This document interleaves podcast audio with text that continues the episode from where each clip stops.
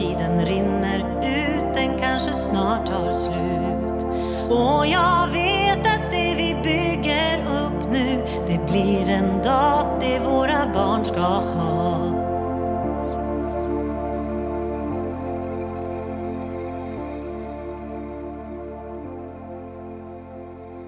Varmt, varmt välkomna till poddavsnitt nummer 22 utav min podd Skicka vidare positiva saker för en lite bättre värld att leva i nu och för kommande generationer. Och här framför mig har jag fantastiska Erika Holst. Varmt välkommen! Tusen tack! Och du har ju varit här tidigare. Ja, nu känns det som en evighet. Ja. Det har jag ju. Ja, men när du var här i avsnitt nummer 19 så var det precis eh, dagarna före det var premiär för damerna. Och eh, ni som då inte lyssnar på det avsnittet så ska jag ge en liten bakgrund. Erika Holst är före detta elitspelare i eh, hockey. Eh, 19 säsonger i Damkronorna, varav 11 som kapten. Bara det är ju helt magiskt. Fast också aktuell med att vara headcoach för Frölundas damer som startade upp säsongen 22-23. Och eh, att starta upp ett helt nytt damlag då behöver man börja i den lägsta serien eh, och för damerna är det division 1. Och målet har hela tiden varit att gå upp i elitserien som kallas för SDHL, Svenska damhockeyligan. Och när du var här i september så var det som sagt dagarna innan premiär mot Malmö. Då var vi båda lite nervösa. Jag har haft förmånen att få jobba som mental rådgivare under hela säsongen. Och eh, nu sitter vi ju här, vad är det, åtta månader senare och lyckades gå upp till elitserien och bli historiska på många olika sätt. Historiska genom att gå obesegrade genom hela säsongen. Och att eh, faktiskt kunna leverera under press. Och det är precis det som det här avsnittet ska handla om. Hur man levererar under press. För det spelar ingen roll om det handlar om idrott eller om det är jobbet eller det är hemma med familjen. Så någonstans tror jag nästan alla människor känner att oj, nu har jag press på mig. Jag behöver leverera. Det finns massor av förväntningar och nu behöver jag steppa upp och faktiskt göra jobbet på riktigt. Erika, du har gjort jobbet på riktigt. Det som du sa då blev verklighet Berätta, hur har den här resan varit? Det känns som att det har varit en lång resa Ja. sen jag var här. Eh, samtidigt då så vet jag att jag tänkte lite grann, "Uff, kan vi inte bara spola fram tiden så vi är klara?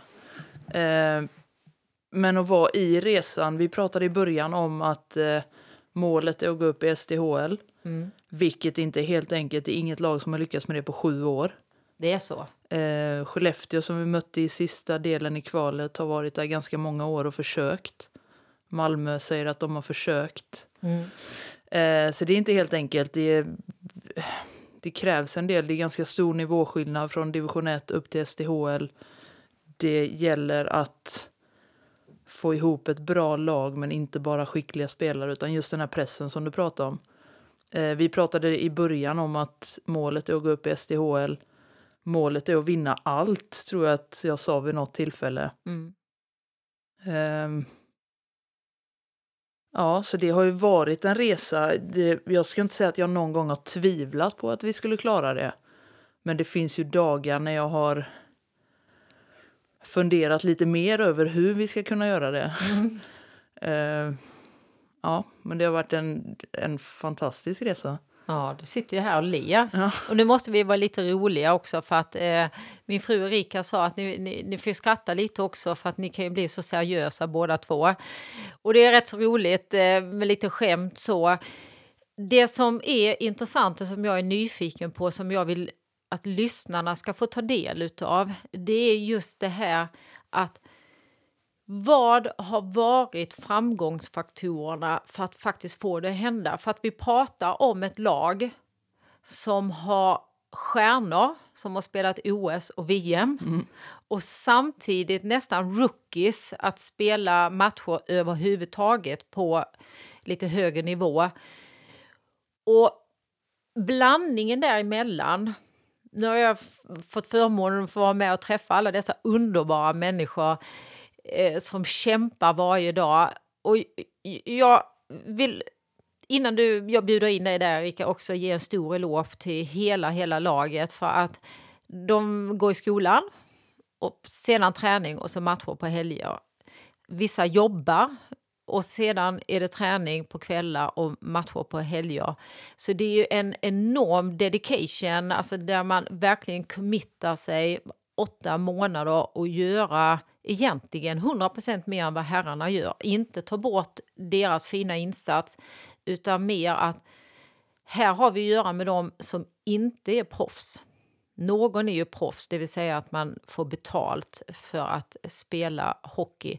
Men de allra flesta jobbar ju eller går i skolan vid sidan av.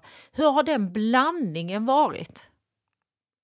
Så jag, jag tror att det här året, det har varit lite av charmen också, just den här blandningen. Jag tror att det är få gånger som man har eh, i idrotten på en relativt hög nivå den blandningen i ett lag. Och utmaningen har ju hela tiden varit, de här som du pratar om, som har spelat VM och OS, få dem att inte tappa motivationen oavsett att vi har vunnit matcher med tvåsiffrigt. Eh, vilja utvecklas, vilja ta ansvar för att få med sig hela gruppen. Samtidigt som det kommer in spelare som du pratar om, nästan rookies, eh, ganska många år yngre. Eh, kommer från olika miljöer där man kanske inte har varken tränat eller blivit coachad eller spelat matcher på den nivån. Mm. Eh, och få dem att ta rygg på de här ledande spelarna och få dem att vilja och våga ta plats i det här laget. Just det.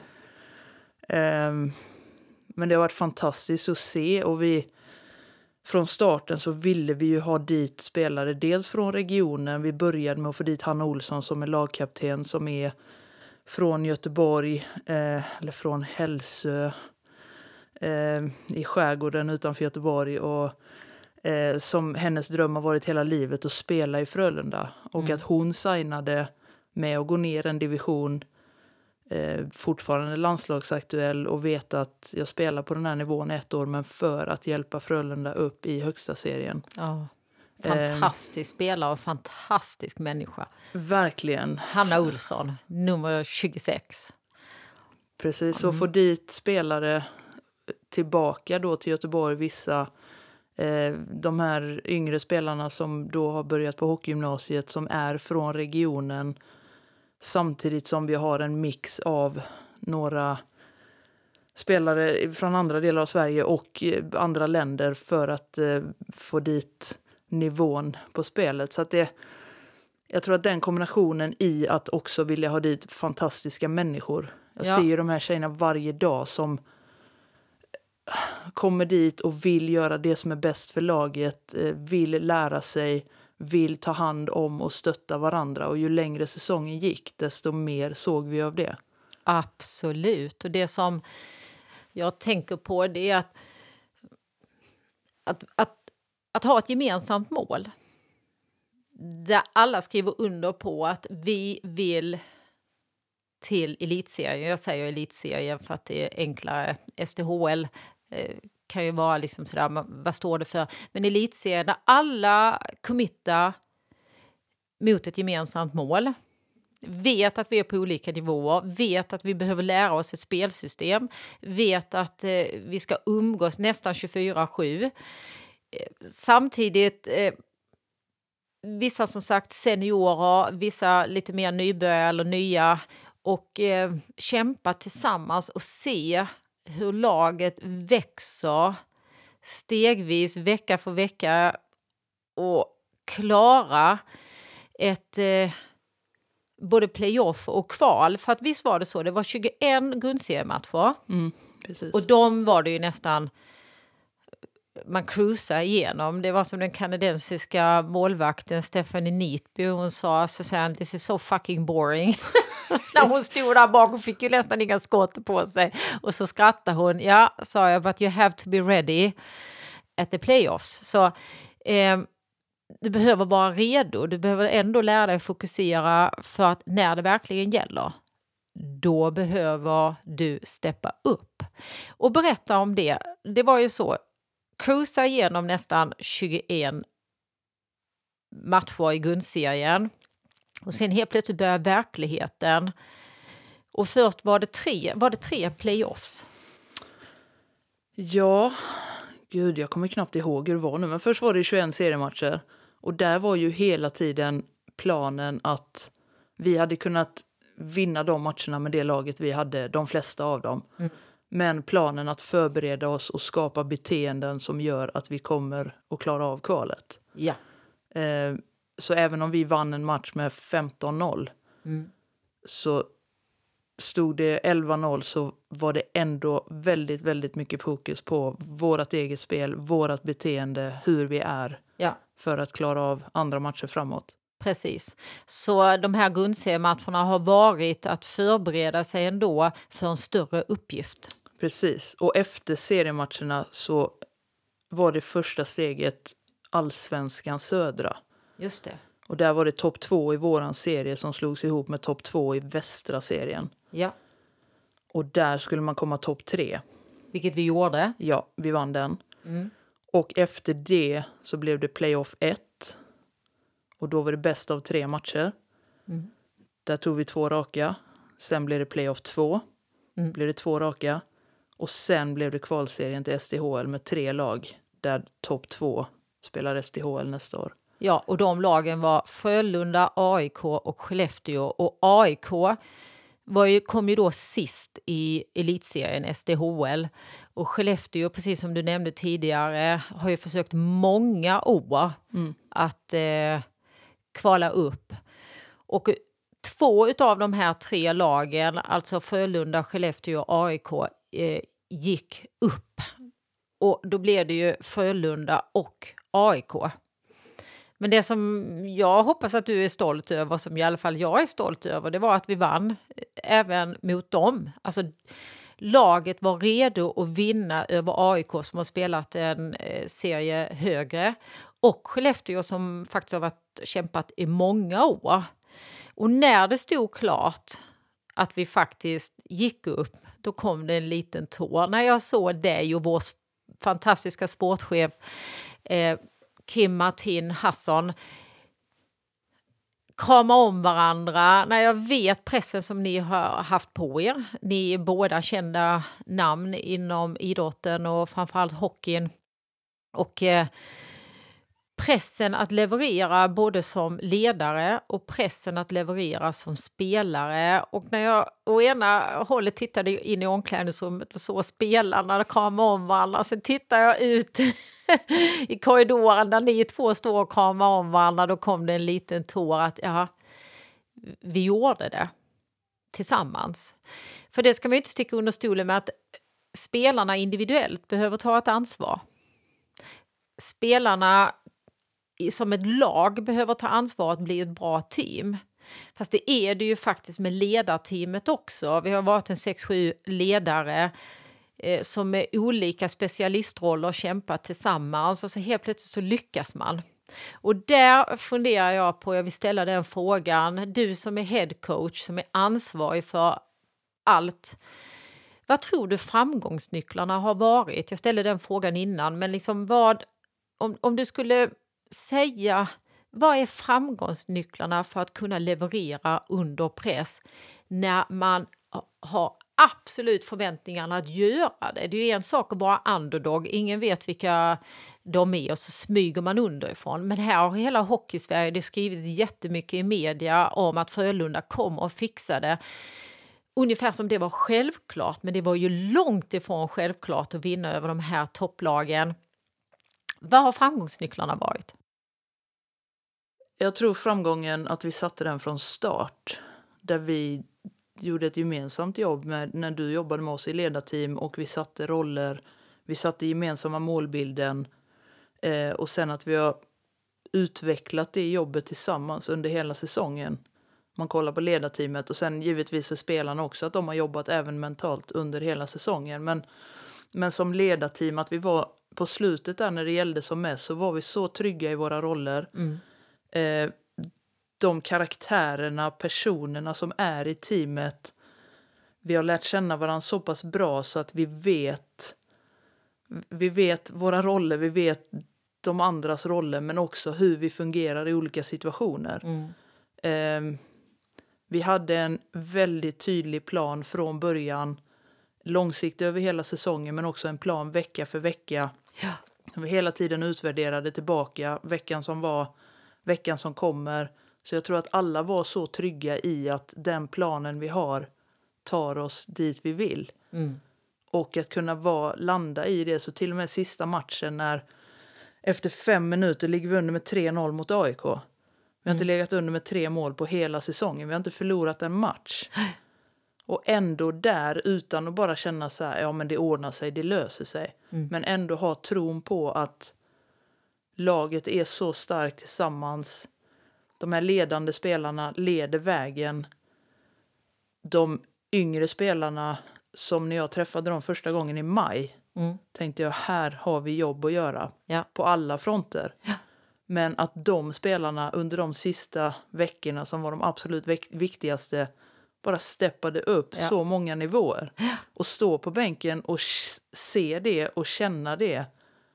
Det, det ger ju ett lugn. Det blev man nästan tårögd. Men du säger, som jag tycker är viktigt, att de ledande etablerade spelarna tar sitt ansvar. Absolut. Och att spelare som inte tidigare har varit på den nivån, när det verkligen gäller så var de redo att eh, steppa upp och ta ansvar och leverera på en högre nivå.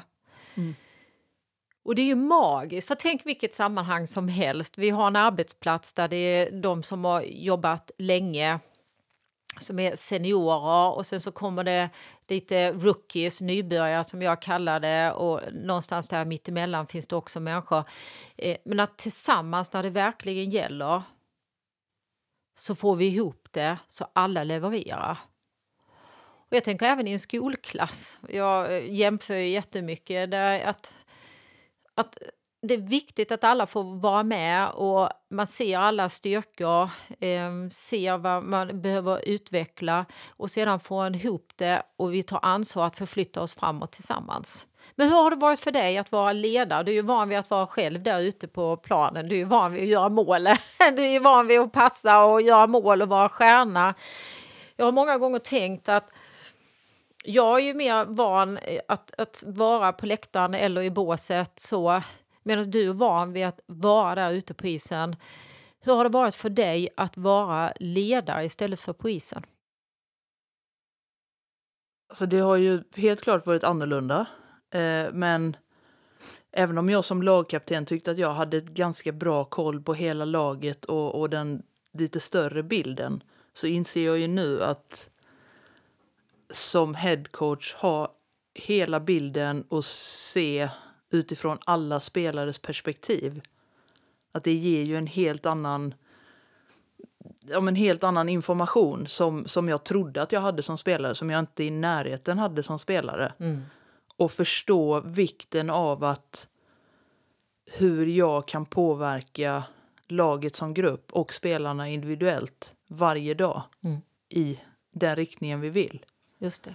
Och ibland också känna när jag ska ta steget tillbaka där jag som spelare i laget, framförallt som lagkapten visste vad jag skulle göra eller hade en känsla av att nu ska jag göra det här. Mm. Och nu veta att okej, men det är här jag ska ta steget tillbaka för det är det här laget ska lösa på egen hand eller kaptenerna ska ta. Eller, Mm.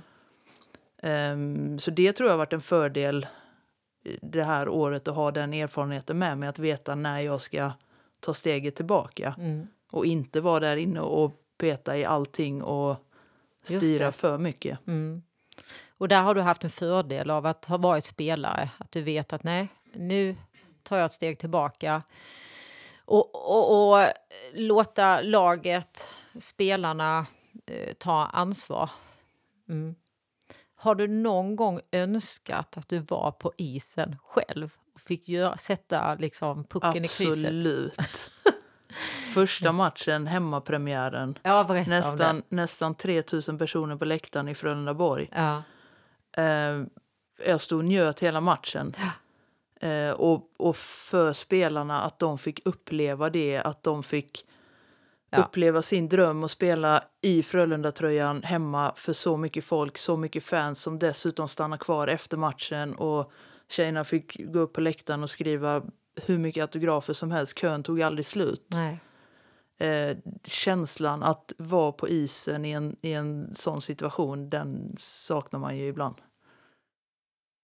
Det förstår jag verkligen. Och samtidigt så har ju du också, du läser ju om dig var och varannan dag i tidningen och i media och så. Det är ju ett stort ansvar att vara head coach. Det som jag tycker coach, om vi översätter det från engelska till svenska så betyder ju coach liksom buss, diligens, att, att förflytta människor från en plats till en annan. Och som head coach så förflyttar man ju egentligen tre olika områden framåt. Att eh, Eh, förflytta individer framåt, att förflytta ett lag framåt och samtidigt förflytta ett ledarteam framåt. Så att jag hoppas verkligen att du är stolt över dig själv. För det har du gjort på ett helt fantastiskt sätt. Och just, jag vill backa bandet där till premiärmatchen mot Malmö eh, där det var så många fans. Eh, vi var ju båda i båset. Det är sällan jag blir så rörd som när man skriver historia på det sättet för damsporten. För jag tror att det som Frölunda gjorde, det var att dels marknadsföra laget och premiärmatchen och sedan se till att det nästan var fullsatt och att eh, laget för första gången har fått uppleva det som herrarna upplever nästan i varje match. Ett, ett fullsatta läktare, eh, fansen på plats och eh, alltså det var ju gåshud när man stod där. Och samtidigt eh, också gå ut och leverera, för det är också att leverera under press att vinna en premiärmatch när det var så mycket media, det var så eh, mycket runt omkring också. Och sedan som sagt hålla hela vägen under press. Alltså egentligen så kan jag ibland tänka så här, vem är det som sätter pressen? Ja, oftast är det ju någon utomstående som sätter pressen. Det kan vara klubben, det kan vara föräldrar, det kan vara agenter, det kan vara media, det är journalister och så vidare. Men en sak som jag tycker vi har varit bra att balansera på det är att en match i taget. Göra det som vi har tränat på i våra olika roller, i spelarnas olika roller, ledarnas olika roller. Och så ser vi hur långt det eh, räcker. Och där är det också ett mindset att ja, vi vet målsättningen, vi vet vad vi vill. Men samtidigt är det en match i taget och så utvecklas stegvis. Och där tror jag att väldigt många har lära från idrotten. Alltså en del lever ju väldigt mycket i framtiden. Ah, bara det blir semester, eller bara det blir fredag, eller bara jag vinner på Lotto, eller så. Där tycker jag att du har varit fantastisk. Jag tycker vi ledare har varit bra på det och även spelarna. Ja, vi vet the big picture, vi vet vad vi längtar efter. Samtidigt så är det den här matchen och där tyckte jag du var så bra i slutspelet. Det, vi pratar inte om nästa match, nästa kval, vi pratar om den här matchen. Det är det enda vi har framför oss. Tänkte du så även när du var spelare? Ja, i turneringar var det nog så.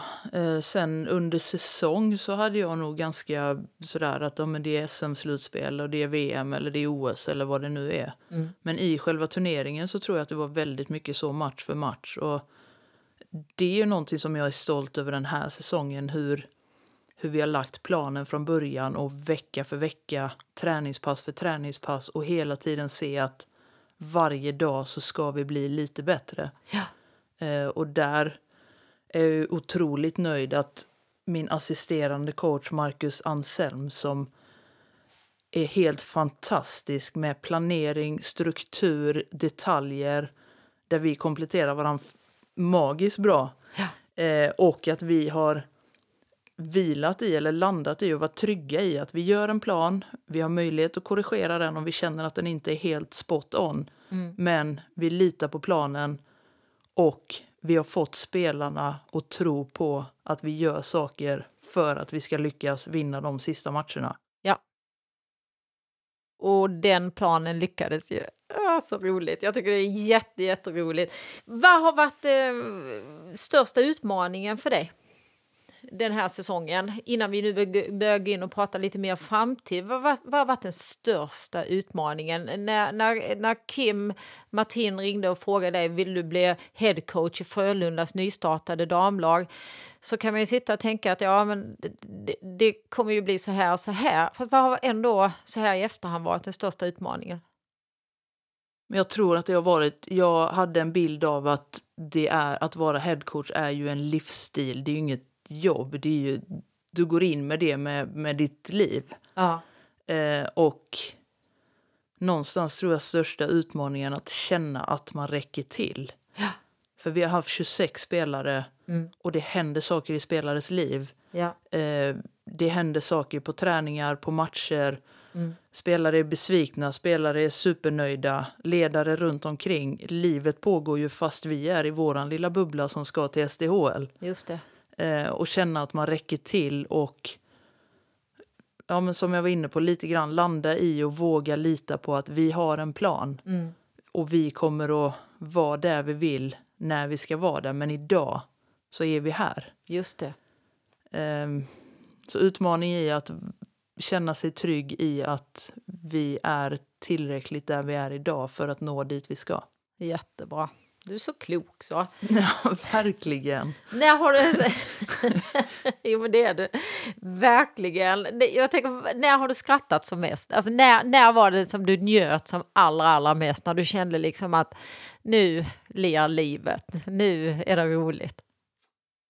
Skratta som mest, det vet jag faktiskt inte. Jag, jag jobbar lite grann på att vara den här fun coach ibland, inte vara Mm. så uptight. Men eh, absolut den absolut, absolut, absolut bästa känslan, det var i andra kvalmatchen, sista kvalsteget när vi mötte AIK på hemmaplan. Ja. Vi hade slagit Skellefteå borta, andra matchen AIK hemma. Ja. Och vi vann den matchen. Och de här spelarna på alla positioner steppade upp på en nivå som jag inte hade sett dem på hela säsongen. Mm. Och i mitt liv som spelare, när jag spelade i Segeltorp, så var AIK största rivalerna. Ja. Så att i den matchen, där hade vi i princip säkrat avancemang till SDHL Mm. eftersom det var två topplag i den trelagsserien som skulle upp. Ja. Så att vinna den på hemmaplan och vi hade relativt bra målskillnad, där och då kände jag... Åh, Vi gjorde det! bara, bara så nöjd. Att Ja. det, det liksom Ja. andas ut, som du sa, kramas med Kim och bara titta på henne och se hennes lugn. Mm. Att fy fan, vi gjorde det. Ursäkta språket, men, Jag tror jag tog en bild på er där då. Alltså ja, men den, den, där lyckan. den känslan bara Ja. när man känner att ah, Ja. nu spelar det ingen roll vad som händer runt om i världen för att Nej. den här känslan är den jag söker. Ja, underbart. Underbart. Och nu är det alldeles strax en ny säsong. Och trupp, eh, truppbygget, det, det betyder egentligen att nu den stora stummen är kvar. Mm. Och sen är det en del nya spelare som kommer in.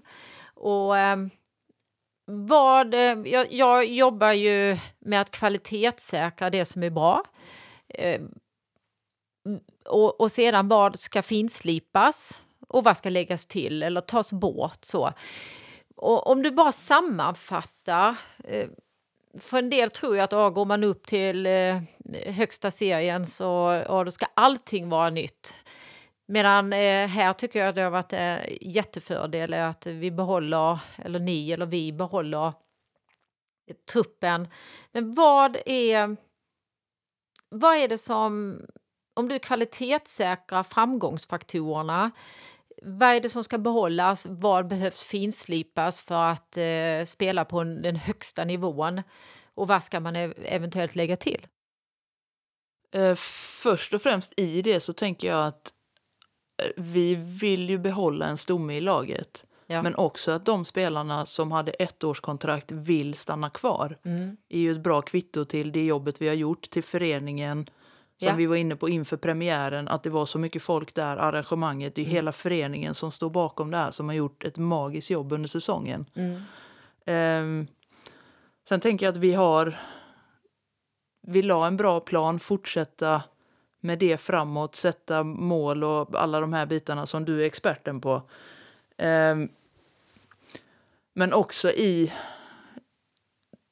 I och med att vi får in lite nya spelare, vi har några spelare som kommer att tillhöra ett juniorlag till nästa säsong ger oss möjligheten, om man tittar på det hockeytekniska, taktiska, att ställa högre krav, att fortsätta jobba med spelarna, att leva som professionella idrottare. Och det behöver nödvändigtvis inte handla om att man tjänar pengar som man är professionell, men när man är med laget så är, har man beteenden som är professionella. Ja, Och där ser jag väldigt mycket fram emot att kunna ställa högre krav. Vissa spelare har varit på mig under den säsongen som var.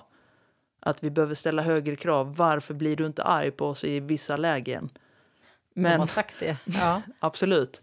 Eh, och det är klart att jag blir arg och irriterad ibland. Men vi behöver ju utbilda spelare för att komma till den nivån vi vill. Jag kan inte vara arg för att en spelare inte är på en nivå när inte vi har utbildat spelaren dit. Nej, så klokt, så bra, så rätt.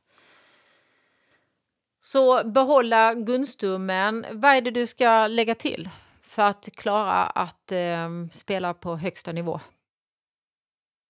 Jag skulle vilja lägga till eh, att gå till nästa nivå på det mentala planet Mm. i, och blanda in Susanne Pettersson. Mm. Tack. ännu Ja, mer. ja. Där jag tycker att eh, det är någonting som jag tror att många lag, föreningar inte lägger så mycket eh, kraft och energi på. Mm. Där jag tror kan ge oss fördel. Ja. Ehm. Mm. Det mentala området, ehm, det ju, skulle vi kunna prata jättemycket om vad det innebär. Fast vi gör inte det, utan vi går vidare. vi går vidare på framtiden. För att, eh, vi ska inte sticka under stolen med att, eh, att eh, göra det som Frölunda har gjort eh, på damsidan, det är att skriva historia. Och då kan man ju tycka, ja, för vem skriver man historia? Är det för föreningen? Ja, absolut. För att när det gäller en sport som är på framgång i Sverige, det vill säga damhockeyn, senast igår, i natt, så ehm, eh, Sveriges eh, landslag, Damkronorna, eh, förlora muddamålet mot världsnationen Kanada. Så det händer ju mycket i Sverige eh, och kanske Sverige kommer i framtiden vara ledande inom världshockeyn. Och det är jag väldigt nyfiken på, för det som händer här hemma påminner mig väldigt mycket om vad Annika Sörenstam Lotta Neumann, Helena Alfredsson på golfen gjorde för ett par år sedan. Det vill säga nästan ingen visste vem de var och sedan började man systematiskt jobba även för damgolfen och de blev världsledande. Precis samma ser jag inom svensk damhockey. Men innan det ska ni få höra en fantastisk jingel utav Ulrika Beijer.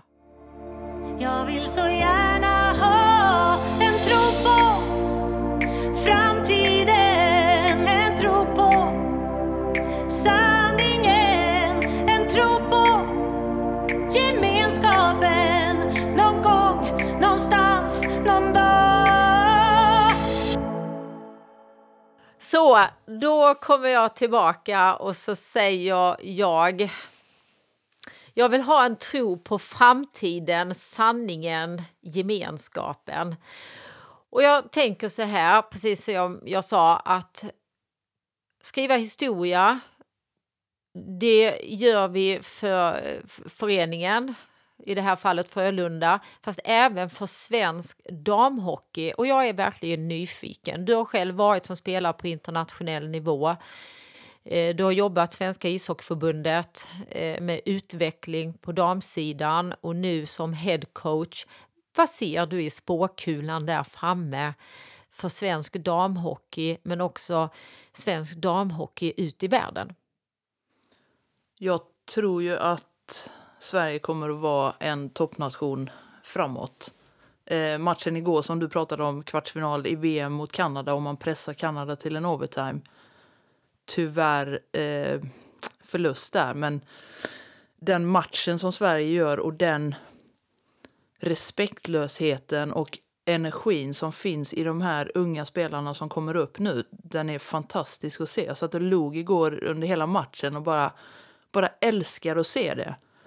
Ja. Eh, och jag tror ju att Sverige med, med det systemet, föreningsverksamheten och den hockeykulturen och expertisen som finns i Sverige så ska Sverige kunna slåss om medaljer i varje mästerskap. Även på damsidan? Absolut, och mm. definitivt på damsidan. Mm.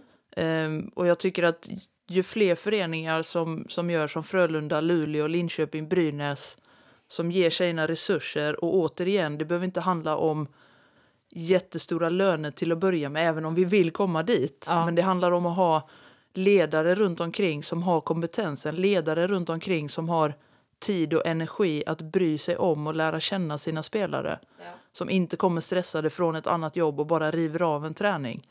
Utan du har ledare runt dig som utbildar dig på isen, som bryr sig om dig som människa, som lär känna dig och vet vad du behöver för att ta nästa steg. Ja. Och som tror på dig. Ja.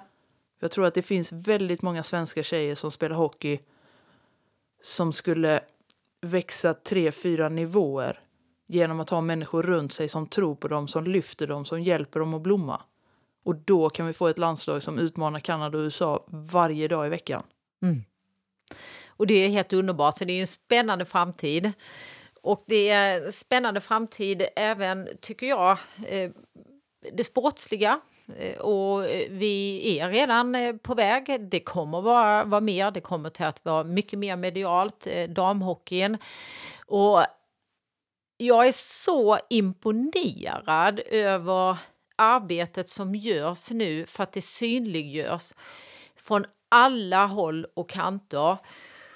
Och så tänker jag så här att eh, hela den här podden går ut på att bidra till en lite bättre värld att leva i för kommande generationer. Och eh, det är en sak som jag tycker så väldigt, väldigt mycket om så är det att skapa förebilder för människor inom idrotten men också att vara, precis som du nämnde, människa. Jag eh, brukar säga till spelarna att ja, ni är jättebra på hockey, fast ni är ännu större som människor.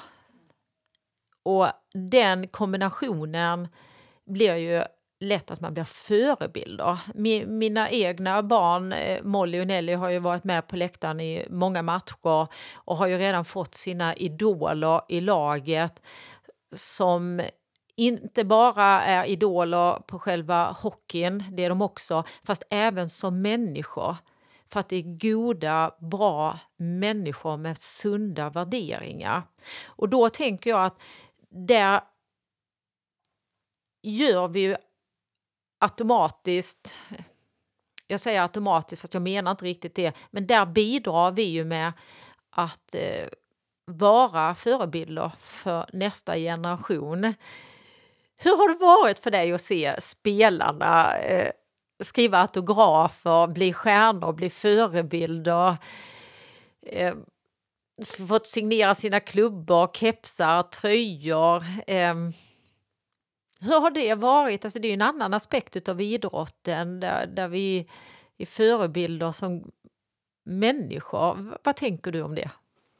Men jag tycker att det är helt fantastiskt att se. Dels för att jag ser hur spelarna blir uppskattade, hur de lyfts av det. Mm. Och sen när man ser ögonen på de här oftast unga eh, barnen, tjejer och killar. Ja. Som, som ser sin stjärna, sin förebild mm. Och återigen, vissa av dem kanske inte ens vet hur mycket istid den spelaren hade. Nej. Eller vilke, hur många mål den spelaren gjorde. Utan det är en förebild som hockeyspelare, absolut. Men precis som du är inne på, i, i livet för att det är en god människa. Och hur de här tjejerna, spelarna, tar sig tiden för alla som vill prata med dem. Som, om det är publikvärdar, matchvärdar runt om i arenan, vaktmästarna i arenan, eh, fansen, barnen, eh, alla runt omkring. Och jag tror att den, det som spelarna får, men också det de ger, att det, det går liksom inte att, att mäta eller, eller se det ger det här, utan det är en så stor bild, den energin som går fram och tillbaka. Ja, håller med. Och det är underbart att se. Mhm. Alltså jag, ja, jag, jag älskar ju den aspekten när när våra idrottare får vara förebilder som människor och på så sätt vara goda exempel. Och då bidrar vi till en bättre värld att leva i. En annan sak som jag tänker på som jag vill avrunda som jag tycker har varit helt fantastiskt den här säsongen. Det är hur vi eh, ledare har stöttat varandra. Och då kommer jag ta det på lite olika plan, men jag tycker att det är viktigt och jag tycker det är väldigt, väldigt viktigt. I styrelsen har vi en kvinna som heter Kristina Langen som är före detta förbundskapten själv i innebandyn både på herr och damsidan som sitter i Frölundas styrelse. Som ja, jag vill verkligen ge, om du nu lyssnar Kristina, eh, en stor eloge för du har suttit match efter match och tittat och hejat på oss där du faktiskt sitter i den absolut högsta ledningen, eh, styrelsen i Frölunda och den supporten har varit viktig. Sen eh, också vår eh, eh sportchef eh, Kim som vi har nämnt ett par gånger att hon är ju tidernas eh, bästa eh, spelare, målvakt, eh, stjärna och hur hon också har stöttat. Du som före detta spelare, stjärna, stöttat. Jag i min roll stöttat. Men hur vi har stöttat varandra. Självklart, alltså vi eh, erfarna, framgångsrika kvinnor stöttar varandra. Och jag vill verkligen säga det att om ni jobbar där ute i ledande positioner på ett eller annat sätt och ni märker att någon annan gör någonting bra, självklart både män och kvinnor, Fast det är väldigt härligt att se när framgångsrika kvinnor stöttar varandra och berömmer varandra. Och såklart i samklang med hela, alltså oavsett kön. Men jag kan ibland har jag sett att kvinnor kommer upp och, och konkurrerar med varandra. Och jag vill säga att för mig är det det gamla paradigmet medan det växer fram en ny generation som stöttar varandra och på riktigt är glada för varandras framgångar. Hur tänker du där? Kan, har du med känt det och känt stöd hela vägen? Absolut, och, och det, där, det där stödet är ju fantastiskt och inte självklart som du säger. Och jag tror ibland när vi pratar om att stötta varandra att man tänker att man behöver göra någon stor insats. Mm. Att man inte inser att den, den lilla kommentaren, det lilla smset eller den lilla Just det. peppen, att Mm. det gör så mycket för en annan människa. Och det kan vara bara att under den här säsongen, jag kan känna som, ja, som ny headcoach Ja. och bara få en, ja men det där var bra eller fan vad bra du gjorde det eller bara en liten indikation på att jag tror på dig, du är på rätt väg. Ja.